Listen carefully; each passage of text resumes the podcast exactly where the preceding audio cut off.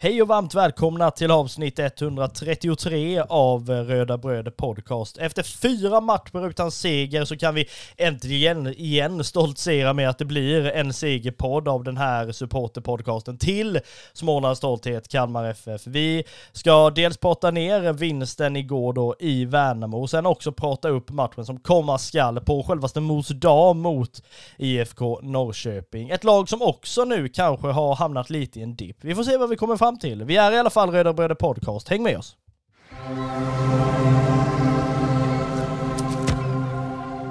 Vi säger väl som vi brukar då att vi hälsar dig som lyssnar välkomna till Röda Bröder Podcast.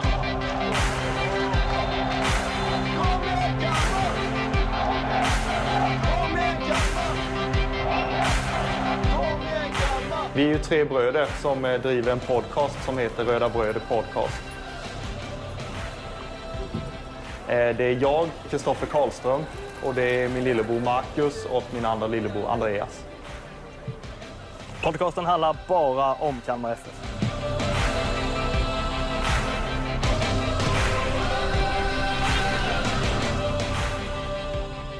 Jajamän, det är så sant som det är sagt och framförallt så är vi extra glada att sätta oss ner och spela in de här avsnitten när vi är uppe på det fina segertåget igen. Nu såg det ju inte vackert ut överhuvudtaget igår, men en vinst är en vinst som det heter Andreas. Och det var ju ändå så en match igår eh, då eh, det här spelas in tisdag den 23 maj.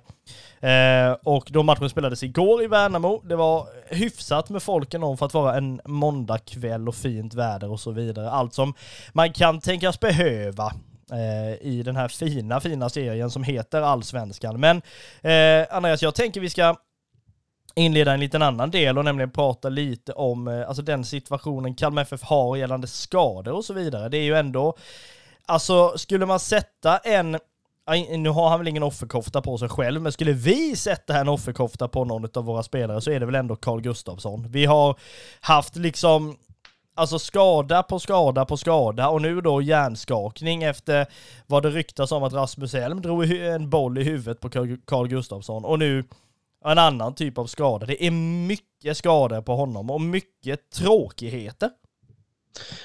Ja, det är ju det det är, men samtidigt får vi ju hoppas att han eh, får hålla sig frisk en lång tid framöver, för att det är ju många spelare som drar på sig ett antal skador under karriären, men har han sin liksom skadeperiod nu, då förväntar jag mig att han kan spela till han är som Totti Ja, absolut. Alltså det, det gör ju absolut ingenting. Men grejen är ju det, det som är mest jobbigt liksom, det är väl att när man ser hur, alltså hur spelet ändå hackar så smått så är det väl ändå ändå spelare man saknar något fruktansvärt mycket. Nu säger jag absolut inget liksom mörker på något sätt, sätt ska falla över våra innermittfältare mer än några andra, men men det är klart att det liksom, nej, alltså när, när det är en spelare som på något sätt andas den mentaliteten Kalmar FF vill visa upp och som vi supportrar vill att Kalmar FF visar upp under den här säsongen då. Det här med, alltså bra passningar som bara sitter på foten. Det är liksom en attityd mot motståndarna att här kommer Kalmar FF och det är bara undan eller kul. När den, en så pass färgstark spelare ändå försvinner ur truppen, så märks ju ändå det. Sen är det klart att Netabay har gjort det förhållandevis bra. Det är klart alla spelare har ju dippar naturligtvis. Och så här, Romario är ju evigt ung och evigt alltid bra höll jag på att säga. Gojani kommit in och gjort det fruktansvärt bra också, så det är klart att det är ju liksom inte inte så att det är fullständigt guld och gröna skogar liksom, utan det, han är ju saknad naturligtvis.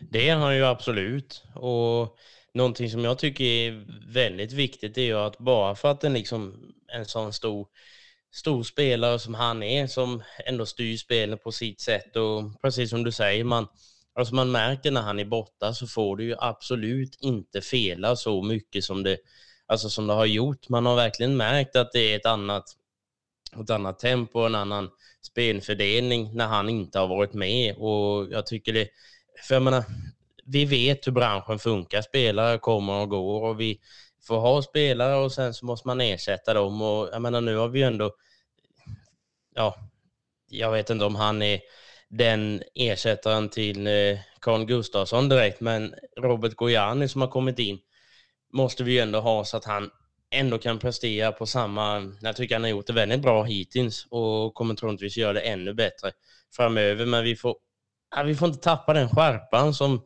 som vi egentligen har gjort nu bara för att eh, Carl Gustafsson har försvunnit. För att vi vet hur branschen funkar. De försvinner och kommer in och hit och dit. Så att någon gång kommer han ju prova vingarna någon annanstans. Och då får ju det här hålet inte vara så stort som det, som det är nu efter honom.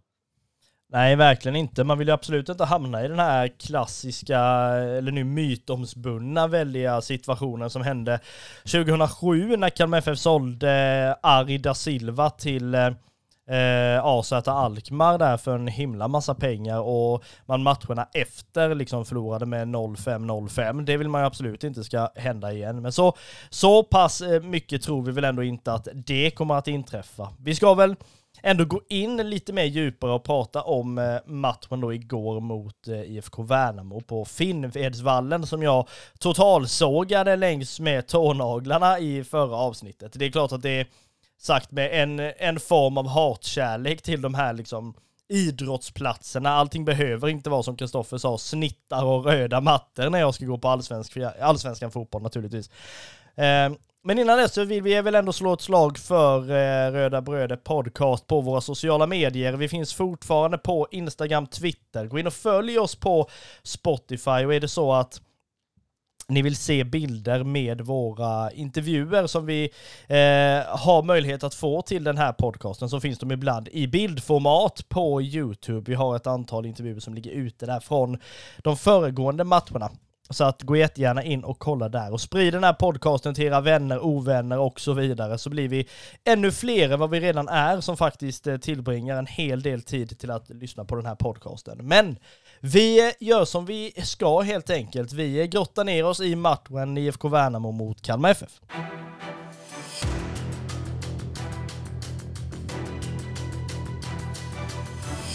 Jajamän, det så kallade Smålandsderbyt på Finnvedsvallen eh, var ju en match som vi inför då den här bataljen tänkte att det var en viktig match på många olika sätt. Vi skulle studsa tillbaka framförallt insatsmässigt och ta viktiga poäng då. Enligt Kristoffer då förra avsnittet skulle vi bara dit hämta poäng oavsett hur det såg ut. Vi var väl mer eller mindre beredda på att det skulle bli en ganska tight match och så vidare på då Finnvedsvallen som inte är en enkel idrottsplats, arena, fotbollsplan att komma till och spela sådär. Och vi hoppades på ett högt bolltempo från Kalmar FF. Vi hoppades att man skulle plocka bort den här 3-4-3-uppställningen man till synes har haft i alla fall under ett par eh, tillfällen då och gå tillbaka till den här raka fyrbackslinjen och lägga ner de här långbollarna som bara rinner ut i sanden om eh, nu inte Mileta plockar upp dem, vilket ibland sker och ibland inte sker. Ehm, och jag vet inte egentligen Andreas, det här var väl det vi förväntade oss inför matchen och hade lite hypotetiskt eh, sett fram emot. Och jag vet inte vad, vad du liksom känner kring det här. Det var ju inte så att det var något skönspel eller någon, någon eh, ja, vad ska man säga, någon finare fotboll från Kalmar FF eller från Värnamo heller för den delen under i alla fall den första halvleken.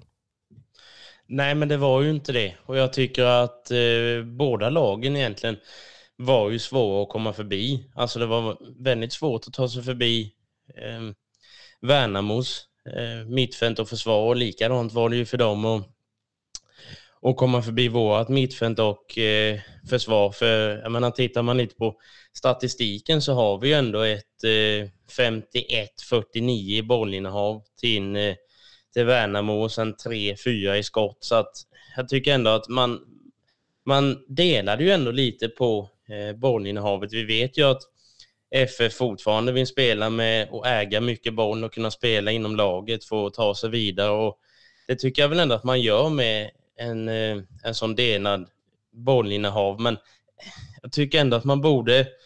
Vi, vi har ändå, som jag sa, 3-1 i skott varav ett är på mål.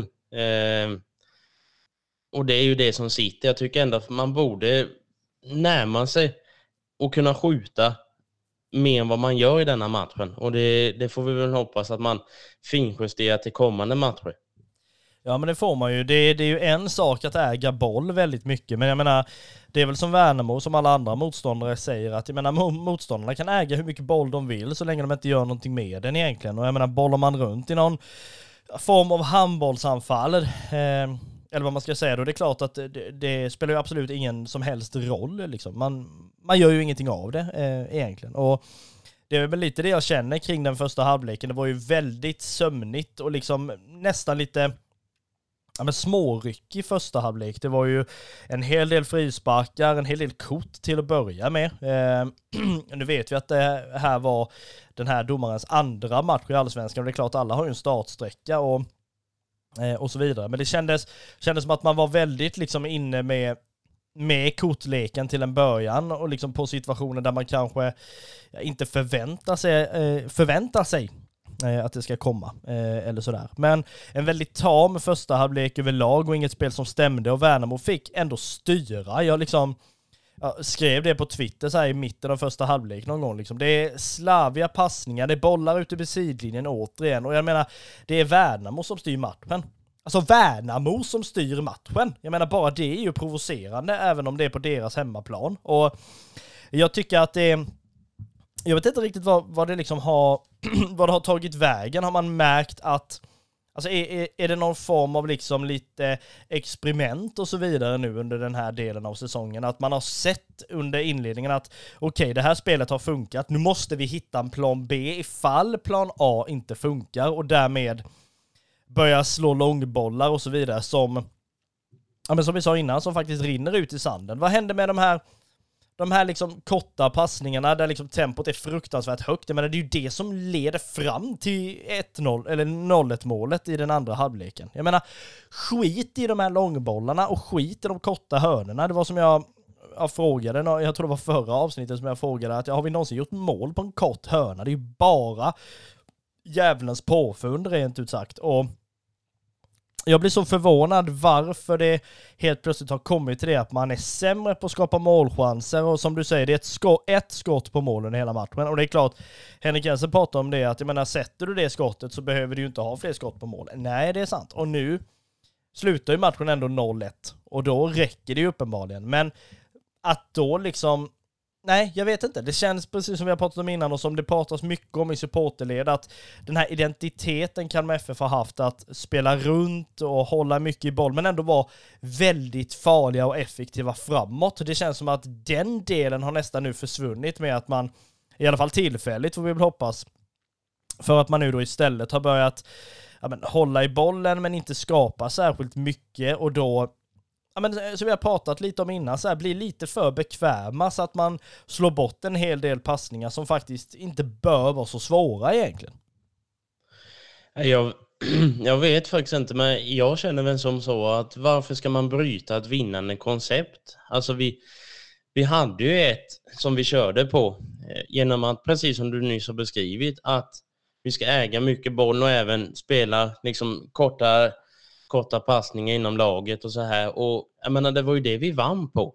Vi, vi både vann matcher och vi liksom hade ju det här höga bollinnehavet vi var liksom farliga framåt så att man liksom fick backa liksom ända bort till målvakten just för att man pressade så högt. Och varför skulle man liksom ändra på det när det var det vi liksom hade liksom som var det här guldiga liksom för att vi, vi liksom spelade den underhållande fotbollen. Nu vet jag inte riktigt vad. Det är klart att man måste testa olika saker. Jag vet inte om det är någon plan B eller någonting, men jag tycker det är...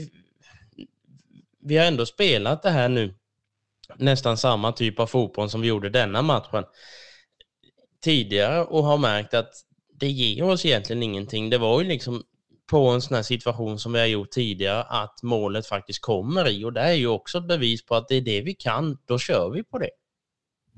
Alltså det ska ju inte vara så svårt egentligen. Jag, jag, jag har aldrig riktigt förstått det här med, med att man ska slå långbollar liksom som någon sen ska löpa på. Det är klart, har man alltså en, en spelare som ändå är snabb då som Mileta är, visst det är klart att han kan ju hinna upp någon boll, fast alltså det går inte heller att skicka de crossbollarna, sen ska han försöka hinna upp en boll och sen plocka ner den. Och när han har gjort det så ska alla försöka flytta efter. Och då är det ju typ ingen som flyttar efter heller. Det blir liksom väldigt avstannat och uppenbarligen när vi ska slå de här liksom ja, men, långa inlägg till liksom bortre stolpen så blir de nästan alldeles, alltså alltid för långa. Det är liksom det ger ingenting. Man, man passar väl, alltså när man väl passar bra och passningarna sitter så går det ju hur bra som helst. Och då då liksom kommer man ju framåt i banan, men sen ska man slå de här inläggen som man, ja, för många gånger faktiskt bara slår bort kan jag tycka. Och jag, jag satt och tänkte på en grej igår.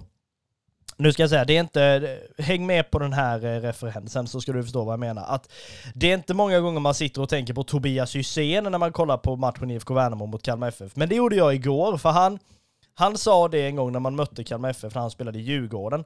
Så sa han det att vi har inga spelare som visar sig och då måste vi slå långt och det är vi inte bra på, sa han. Han var så pass ärlig och sa att vi är inte bra på de här grejerna. Och jag menar, jag kände det i gårdagens match mot Värnamo att varför ska vi slå crossbollar när vi uppenbarligen inte är bra på det? Liksom. Det känns väldigt, väldigt värdelöst och Alltså de här bollarna i djupled som vi liksom har pratat om innan, behåll dem då istället. Nu kan vi sitta och klaga hur mycket vi vill, för det lär ju inte hjälpa ändå kanske. Men jag menar att när liksom Johan Karlsson då snor, snor med sig bollen, kommer i ett jävla tempo, drar in en, eh, liksom, ja, men en djupledspassning till en Omar Shamoun som kommer att ta bollen i fart, som han är så fin på att göra liksom, och sen sätter han den. Det är ju så vi ska göra. Jag liksom förstår inte vad, vad, vad Kortfattat, jag förstår inte. Gör ingenting annat överhuvudtaget. Sen vet jag att vi totalpissade på Noah Shamoun i början av den här säsongen och sa att han kanske är ur form och då satte han två mål. Så jag menar, nu kommer han in, han är ju liksom... Han, om någon nu, har ju visat att han har ändå börjat komma i form. Och jag menar det är väl bara att, precis som vi sa igår, han ska inte bänkas någon mer gång tills han liksom är ur form igen. Jag menar mot IFK Norrköping ska han bara in och rätta gallfeber på allt och alla fullständigt liksom. För uppenbarligen så visar han ju att han han liksom klarar ju av det, det här nu. Det, liksom, det funkar ju hur bra som helst, framförallt om man spelar på det sättet som gynnar honom och som uppenbarligen gynnar Kalmar FF i det här, i det här läget. De här crosspassningarna som är alldeles för långa, skit i dem. Ja, men det, det, är ju precis som du säger, det är uppenbarligen så är det ju inte det vi är bra på eftersom att de inte har genererat någonting och nu liksom kommer han in, tog två minuter så sitter 0-1. Där har vi ju liksom framgångsreceptet att det är ju så vi har liksom spelat de tidigare matcherna. Det gick fortare, det var underhållande att titta på. Man liksom, det, det var ja, ett övertag hela tiden och han liksom kom in, visade var skåpet ska stå. Det, kör på det, gör inget annat för uppenbarligen så jag vet inte, klarar vi inte av det ännu så det är ju inte där vi är. Varför ska man bryta ett vinnande koncept? In med Chamon, låt han starta, kör på det. Ja, i alla fall spela på det sättet som man har gjort, som, eh, ja, som vi sa, som uppenbarligen faktiskt eh, gynnar det sättet vi vill spela på och som supportarna känner sig väldigt trygga i när man liksom känner igen sitt Kalmar FF. Och det är klart att första halvlek igår var inte bra. Jag menar man förväntade sig då att det skulle bli i pausen att det skulle bli en någon form av intervju med någon spelare och då säger kommentatorn att de har strömavbrott nere vid intervjumikrofonen och bara, bara ja vi vill nog knappt höra ändå vad det var som inte var bra för det märkte vi att det var inte mycket som var bra eh, alls. Och det är klart att en vinst är en vinst, som vi har pratat om. 1-0, det är tre poäng, vi tar det, vi ligger sexa just nu. Det är väl skitbra, men samtidigt så är det så här, det är vad ska man säga, en vinst med den bittra eftersmaken kan man ju säga. Det är ju liksom inte så att man är, man kan inte vara särskilt nöjd spelmässigt mer än att nu har man bevisat att okej, okay, vi kunde vinna borta mot Värnamo, men det måste ju naturligtvis se bättre ut.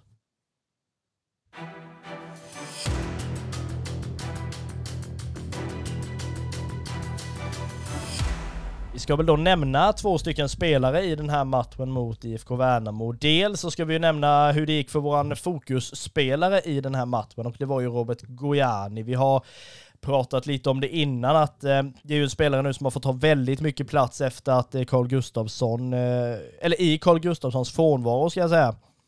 Samtidigt är du en av de spelarna som driver väldigt mycket, visar kvalitet i de ageranden han gör. Det är ändå en en spelare som men, har väldig erfarenhet av det allsvenska spelet och det visar han tycker jag när det kanske är så att, att det hackar lite smått. Men det är klart att man blir ju man blir just nu glad när man ser Robert Gojani spela fotboll. Ja men det gör man ju och man blir ju framförallt glad genom att se honom göra det för att jag tycker verkligen han har visat sina kvaliteter under de förutsättningar han har fått och jag tror att låter vi han få liksom ta mer plats och liksom få styra på, på mittfältet så som han har börjat göra så tror jag att det, det, kom, det kommer bli klockrent till slut. Ja men vi hoppas väl det om inte annat. Vi, någon spelare som var klockren igår har vi också nämnt här nu. Det är ju han som står för den fina assisten fram då till Noah Chamouns 0-1 mål och det är ju Johan Karlsson. En spelare som, ja men som vi har pratat om innan lite när vi har pratat om Noah Shamoun, eller inte om Noah Shamoun utan när vi har pratat om eh, Nahom Netabay. En väldigt ettrig spelare liksom. Det här är ju en spelare som har en jävla energi i alla fall vad han visar utåt sett och ja men på något sätt brinner lite. Det var väl det många efterfrågade matchen igår, att vi vill se att det brinner fan i ögonen på de rödvita spelarna nu i, i en sån här match. Eh, framförallt då för att man skulle tillbaka upp då på hästen och inte på något sätt eh, alltså låta sig nedslås efter då fyra matcher utan vinst. Eh, och därmed så tycker vi väl att Johan Karlsson gjorde det väldigt, väldigt bra och förtjänar väl mycket väl då den här utmärkelsen som Röda Bröderspelaren i matchen mot IFK Värnamo.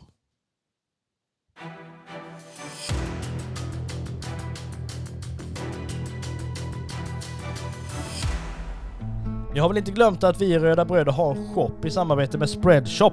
Där finns allting som du kan behöva för att klä dig rätt till matcherna. Vi har våra egna loggor på alla möjliga klädesplagg till både dam, herr och de yngre supporterna. Gå in på rödabröder.myspreadshop.se och botanisera dig för din chans att få hem dina Röda Bröder-produkter.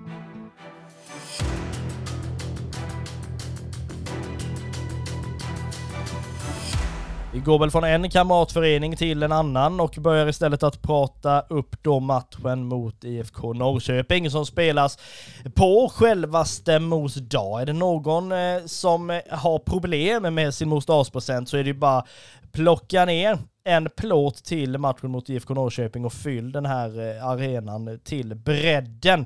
Lite info om IFK Norrköping, vad det är för typ av lag. Det här är ett lag som då eh, spelar på Platinum Cars Arena. Det här är ju en arena som har haft hundra miljontals olika namn. Den har ju hetat Idrottsparken, den har hetat Parken, den har hetat Östgötaporten och nu då har den, heter den ju då Platinum Cars Arena. Laget som spelar där är vita och blåa och ligger då på en fjärde plats just nu med 17 inspelade poäng. Senaste matchen var ju då under, också under gårdagen mot Elfsborg på hemmaplan där man inför drygt 7000 åskådare förlorade matchen med eh, 1-2 faktiskt. Man har en tränare som heter Glenn Riddesholm och den spelaren man bör se upp med extra mycket är ju naturligtvis just nu deras bästa målskytt, nämligen Kristoffer Totte Nyman med fem mål hittills. Det här är ett lag som är Alltså vi pratade om att Värnamo var ett lurigt lag innan. Nu är alltså Norrköping är ju ett lurigt lag ändå ett storlag, gammalt storlag som liksom en anrik eh, idrottsförening då som ändå ja, men har haft lite halvgrus i maskineriet i alla fall. Ja, det, så är det ju. Och alltså, jag tycker att Norrköping är ju ändå ett, alltså, ett charmigt lag i sitt slag. Det är ingen liksom liten förening, men det är ju ingen stor, stor klubb heller. Och jag tycker ändå att de har spelat en eh, alltså en underhållande fotboll tidigare.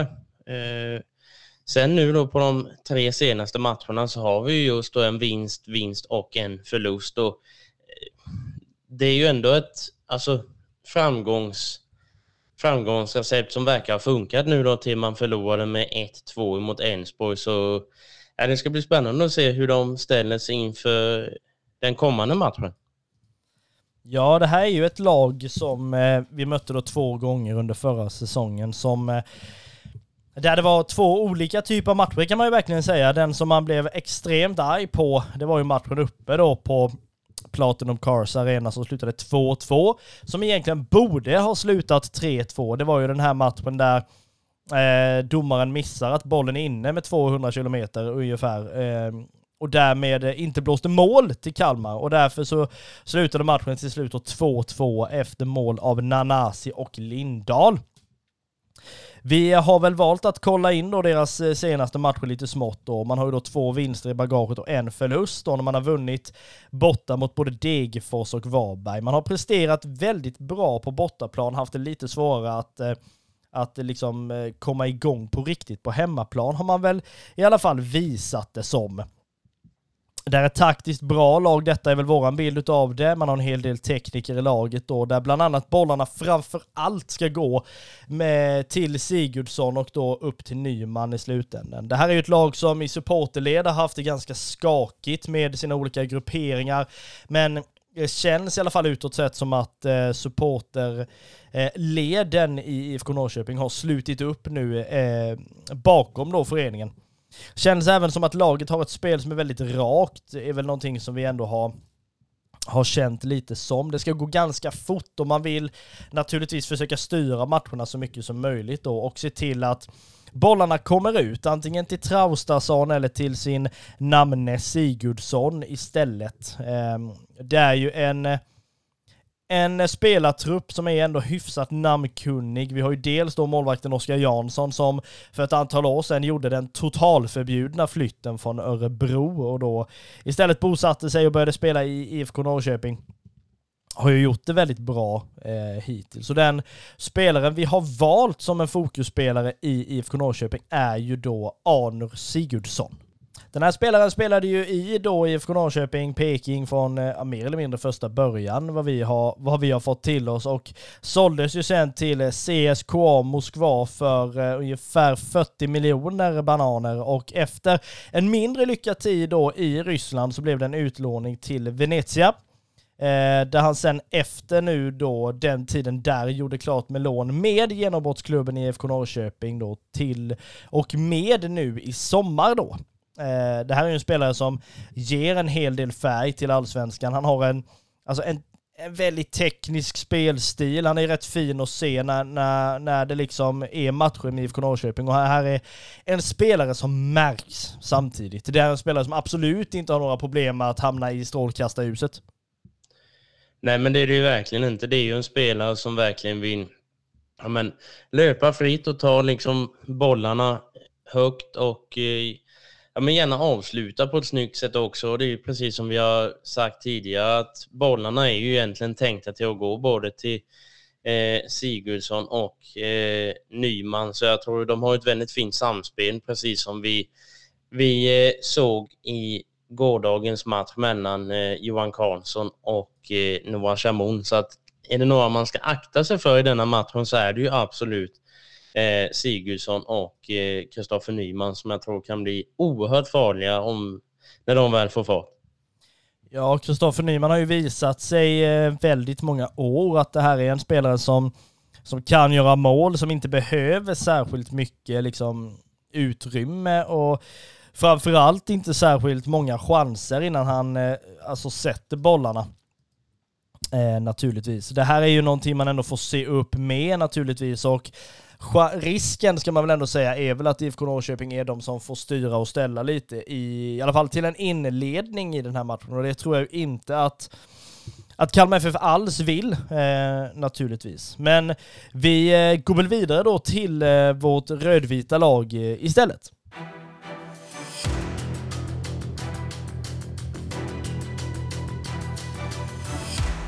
Kalmar FF då i den här matchen mot IFK Norrköping är väl eh, våra tankar inför den här matchen. Så vi då återkopplar till i nästkommande avsnitt det är ju att det här viktiga med att få igång eh, chansskapandet. Det får inte bli det här handbollsanfallet med passningar hej vilt och sen så ska det vara en crosspassning som går liksom ut på E22 mer eller mindre, utan det här ska vara distinkt, det ska vara stabilt och det ska vara enkelt samtidigt och viktigt att man inte låter Norrköping styra matchen. Även om det är skitsvårt naturligtvis att inte låta dem göra det. Ehm, för de vill det lika mycket som Kalmar vill. Så är det väl så att man måste försöka ta tag i taktpinnen från början och visa att det är våran hemmaplan och inte deras. Ehm, för då kan man hamna, hamna på efterkälken, kanske. Ja men det tror jag absolut. Alltså är du inte med från första början då har du liksom överlämnat det till till de andra att de ska få liksom visa hur, hur matchen ska spelas och eh, jag tror det viktigaste är ju precis som vi har tjatat om tidigare att man vågar skjuta mer än vad man gör. Att, ja, men, du ska ju liksom inte stå vid halva planen och sen skicka iväg den så den kommer på familjeläktaren. Det är inte det jag säger.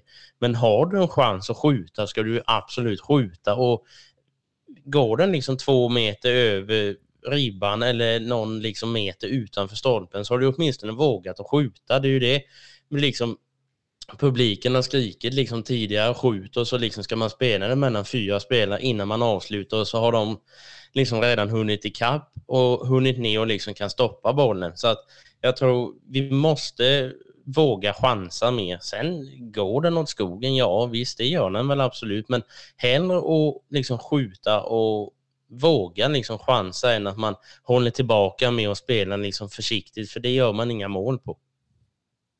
Nej, så är det ju. Eh, och det viktiga är väl framförallt också, känner jag i den här matchen, att man försöker hitta tillbaka till det här fina spelet man hade i inledningen av den här säsongen. Och då kommer vi väl egentligen in på de eventuella förändringar som vi skulle vilja se i en, i en startelva fram Eh, i den här matchen då, eh, naturligtvis. Vi hoppas ju då framförallt eh, att eh, det blir en del förändringar i, i de två sista leden eh, Eh, framåt då kan man ju säga. Vi har väl en önskestartelva då om vi hade fått plocka den elvan då genom att eh, i målback då sätta Ricardo Friedrich med en backlinje med Axel Lindahl, Lars Sätra, Rasmus Sjöstedt och istället då in med eh, Arash Mutarage Biafapour istället. Eh, för Olafsen. Eh, inga liksom, inget mörker på något sätt eh, över David där, men det är också så här att det är en spelare som har stått för ett antal misstag för ett par matcher sen, Gjorde det bättre igår eh, mot Värnamo, men det känns som att det är en formsvacka på gång hos den här spelaren, om den inte redan har kommit. Därför eh, känner vi att han eh, absolut får placeras på bänken, i alla fall i inledningen. Eh, till matchen mot IFK Norrköping. Vi rör oss vidare upp i våra liv och kollar då på mittfältet där vi har Robert Gojani, förhoppningsvis Carl Gustafsson tillbaka och då Johan Karlsson eh, naturligtvis efter den här briljanta matchen som han stod eh, för under gårdagen.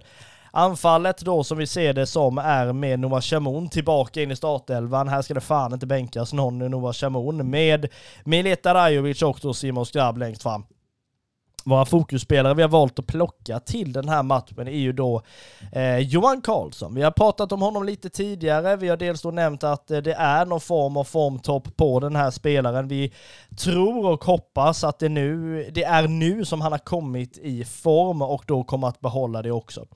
En spelare som eh, vi har sagt innan, som det brinner hos. Man ser att den här spelaren njuter av att spela i Kalmar FF och han bjuder på bra prestationer då, som vi har sagt framförallt igår då mot eh, Värnamo, där han står för en briljant passning fram till då Noah Shamoun. Eh, därför då fokusspelaren som vi kommer hålla lite extra koll på i matchen på söndag är ju då Johan Karlsson.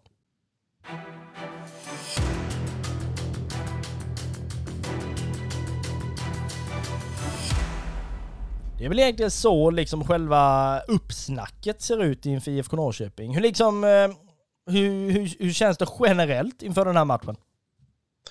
Ja, men jag tycker det ska bli oerhört spännande att se hur, eh, ja, men hur man tar sig an denna matchen. För vi vet, eh, det har vi ju också pratat om, hur liksom, eh, ja, hur, hur liksom Norrköping vill styra och ställa och hur man liksom ställer upp emot ett sånt här aggressivt lag som liksom spelar på samma sätt som vi vill försöka spela just och styra och ställa. Eh, och jag tycker det absolut viktigaste är att visa att det var en hemmaplan. De har kommit in här ska de inte få bestämma någonting. Och jag tror även att den justeringen vi har gjort med eh, Arash Java Farpour. Ja, eh, du har fått in det där svunget mycket mer än vad jag, så jag nöjer mig så. Har vi tränat, ser du. Ja, det, det har du nog gjort. Så, alltså det, det är absolut inget fel att stå över en match och liksom kanske ja, försöka och liksom ladda upp och ladda om liksom, eftersom att det är sådana tajta spelscheman som det faktiskt är. Så jag tror absolut inte att det liksom gör någon skada för eh, David Olofsson utan kommer i så fall ge honom en, en nytändning genom att han i så fall får eh, sitta av en liten, liten stund på bänken. Jag har absolut inga problem om han går in i eh, liksom ett byte eller i halvtid eller i slutet av matchen. Men just att få stå över och liksom få, få titta lite och få ladda om tror jag absolut inte är några problem. Nej, och här är ju grejen också att det är precis som du säger, inga fel med att man står över. Ibland behöver man det och samtidigt är det väl också så att, som vi har pratat om innan, att eh, man ska absolut inte känna sig säker på sin plats överhuvudtaget, utan gör man ett par Alltså matcher där det inte ser särskilt bra ut eller där man märker att den här spelaren är inte i form. Nej men du ska inte vara säker på din plats då. Då finns det någon annan som kan hoppa in då istället. Jag menar det är ju en konkurrenssituation och ska så vara också.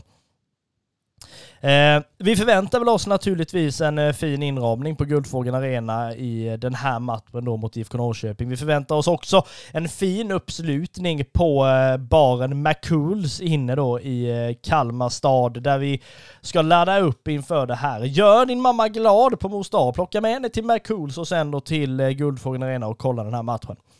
Vi sammanfattar eh, det här avsnittet alldeles strax, men innan dess så ska vi faktiskt eh, prata lite, lite eh, sommarfeeling.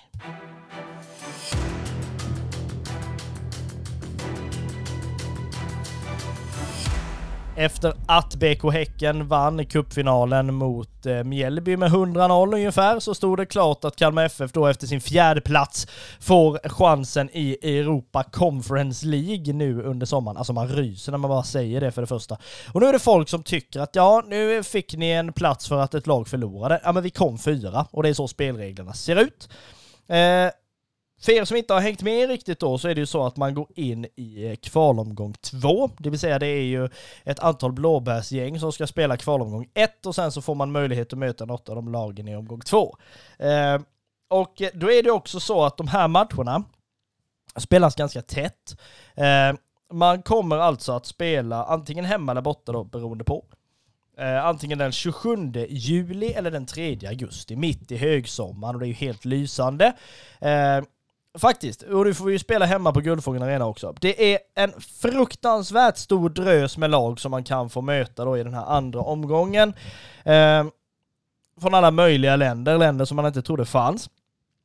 Mer eller mindre. Så att alltså min fråga är väl egentligen Andreas, när vi då ska åka och möta något gäng i då Conference League kvalomgång två, vad liksom känner du att det här åker jag inte till? Och det här åker jag till?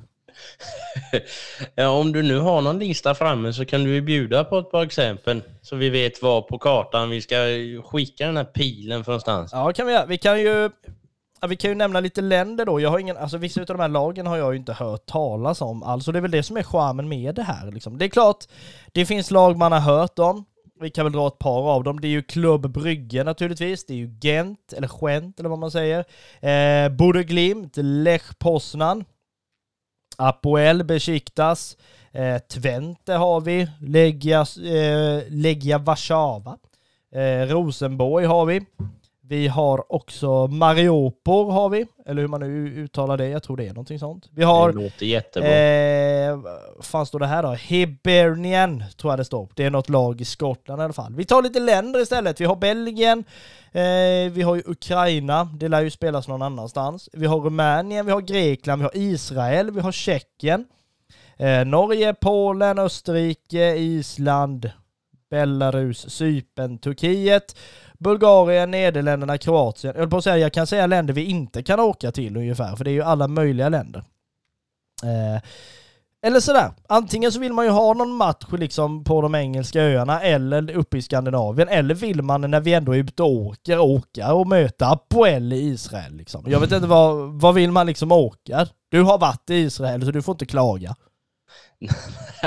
Nej, jag klagar inte, men det är ju gärna meck att alltså, ta sig dit, så man vill gärna alltså, kunna komma dit på ett ganska smidigt och enkelt sätt. Så typ, där hade ju Norge eller Polen varit ganska, ganska lämpligt. Sen, jag kommer inte ihåg vad du sa mer för ställen, men det, alltså det är ju ändå, vissa lag ligger ju långt åt fan, men vissa ligger ju ändå ganska i, i närheten, så jag tycker, äh, alltså utav de du rabblade upp så är det ju ändå många eh, som jag tror inte alls skulle vara några problem att ta sig till. Och är det ändå mitt under högsommaren så är det ju ändå semestertider så det är ju bara styra skutan ditåt. Ja, alltså det är ju alltså ganska så tajt där. Det är ju liksom i juli då som jag sa 27 och eh, då 3 eh, augusti. Det är ju då to eh, två torsdagar efter varandra. eh, mitt under semestern mer eller mindre. Så det är klart att det finns länder man vill åka till och så här. Sen är det väl klart att jag menar, man, åker ju, man vill ju absolut inte åka till något... Alltså, säg, visst, roligt att åka till Belgien, men hur kul är det att åka ner där och förlora mot Brygge då till exempel? Då åker man ju hellre till något annat land och vinner, om, eller så liksom. Man ska ju vidare i, i den här kuppen då. Eh, är det ju. Sen var det någon skön människa som skrev på Twitter där att det är också skillnad. Ska man till Polen så är det ner till Karlskrona, så är det båt, matchbiljett och så är det hotell, öl och sen vinst och sen hem. Det är inte mycket svårare än så. Rätt billigt. Sen är det ju om man ska ner till liksom Israel eller till Kazakstan, då får du typ åka veckan innan mer eller mindre för att ens komma fram. Eh, ungefär. Det finns ju också länder du är tvungen att flyga till. Det finns länder som du bara kan liksom bila till. Jag menar köra ner genom Danmark och sen ner liksom i Europa. Det funkar ju. Och jag menar, det känns som att det kommer bli bra uppslutning eh, från Kalmar-supporterna generellt när vi åker ner, oavsett vart vi åker. Sen är det klart att hamnar man i, i Norge där vi vet att vi har ett fäste eller liksom eh, i England, många Kalmar-supportrar som tycker om engelsk fotboll, eller i Polen, det är klart att det kanske blir mer folk där och vi blir en liten mindre skara supportrar nere, nere långt ner på kontinenten. Eh, kanske så. Men det, det är klart, det här kommer ju att lottas vet jag inte exakt datum. Jag har för mig att det var det 21 juni i alla fall. Kommer vi väl veta ungefär så en månad innan. Eh, vilka lag vi skulle kunna få möta. Eh, naturligtvis. Kalmar går in osidade i den här lottningen sen ska vi också säga. Eh, gör vi ju. Så att det kommer bli intressant. Vi har ju inte spelat Europa-fotboll sen vi liksom ja, förlorade borta mot Young Boys och vann hemma mot Young Boys. Eh, när vi spelade mot dem. När Sebastian Andersson gjorde mål, hör och häpna, för 200 år sedan. Eh, men det kommer bli intressant, eh, om inte annat. Nu har jag en liten fundering när jag ändå sitter här som jag inte har funderat på innan nu.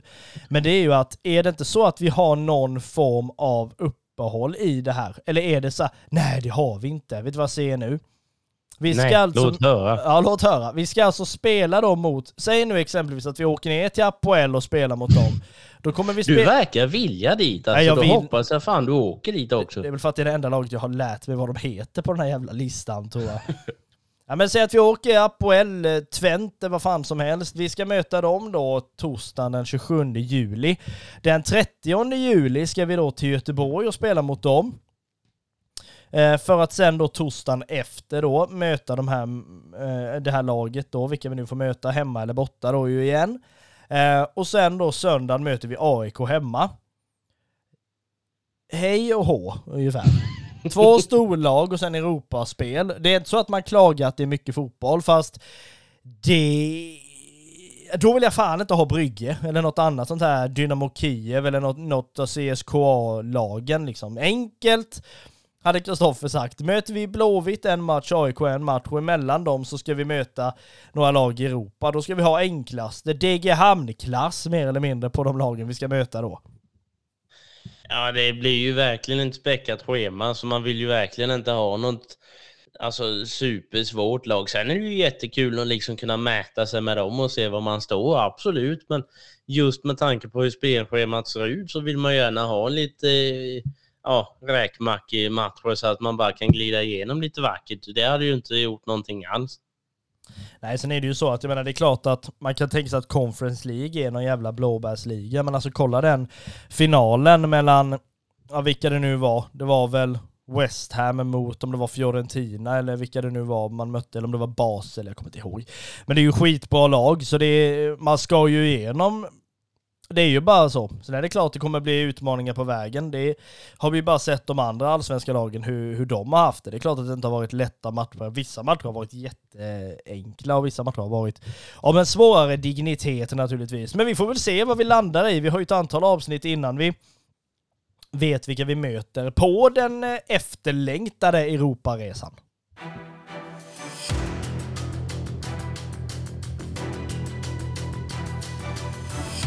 Vi sammanfattar avsnitt 133 genom att säga att Kalmar FF är tillbaka på vinnarspåret efter 0-1 vinst borta mot Värnamo under gårdagen. När Noah Chamoun gjorde mål fint framspelad utav Johan Karlsson. Vi har pratat upp matchen mot IFK Norrköping som spelas på söndag när kurvan framförallt ska fyllas när IFK Norrköping kommer på besök. Det är Mos dag Gör två saker i en. Bjud din morsa på en present och då gå på fotboll, naturligtvis. Vi har också då pratat lite kring Europafotbollen och vilka vi förhoppningsvis eh, får se på Guldfågeln Arena efter då lottningen den 21 juni. Och sen får vi väl också se hur pass enkelt blir det att först möta ett lag i Europa, och att Göteborg, förhoppningsvis vinna över dem, spela mot ett lag i Europa och sen hemma mot AIK. Vi får se vad som händer och det är ju så vi gör. Innan vi avslutar det här så ska vi slänga oss på en tippning och vi har väl mer eller mindre kommit överens om att matchen mot IFK Norrköping kommer att sluta med en 2-1 vinst. Vi kommer att fortsätta upp på vinnarspåret där vi liksom redan nu är och härjar, men då framförallt bibehålla den vinstformen nu då som förhoppningsvis det här kan leda till. Vi hoppas naturligtvis också att insatsen blir betydligt bättre jämfört med matchen mot Värnamo. Men oavsett det så hörs vi av igen efter matchen mot IFK Norrköping. Marcus och Andreas från Röda Bröder Podcast, Kalmar FF Supporterpodd. Tackar dig som har lyssnat och på återhörande.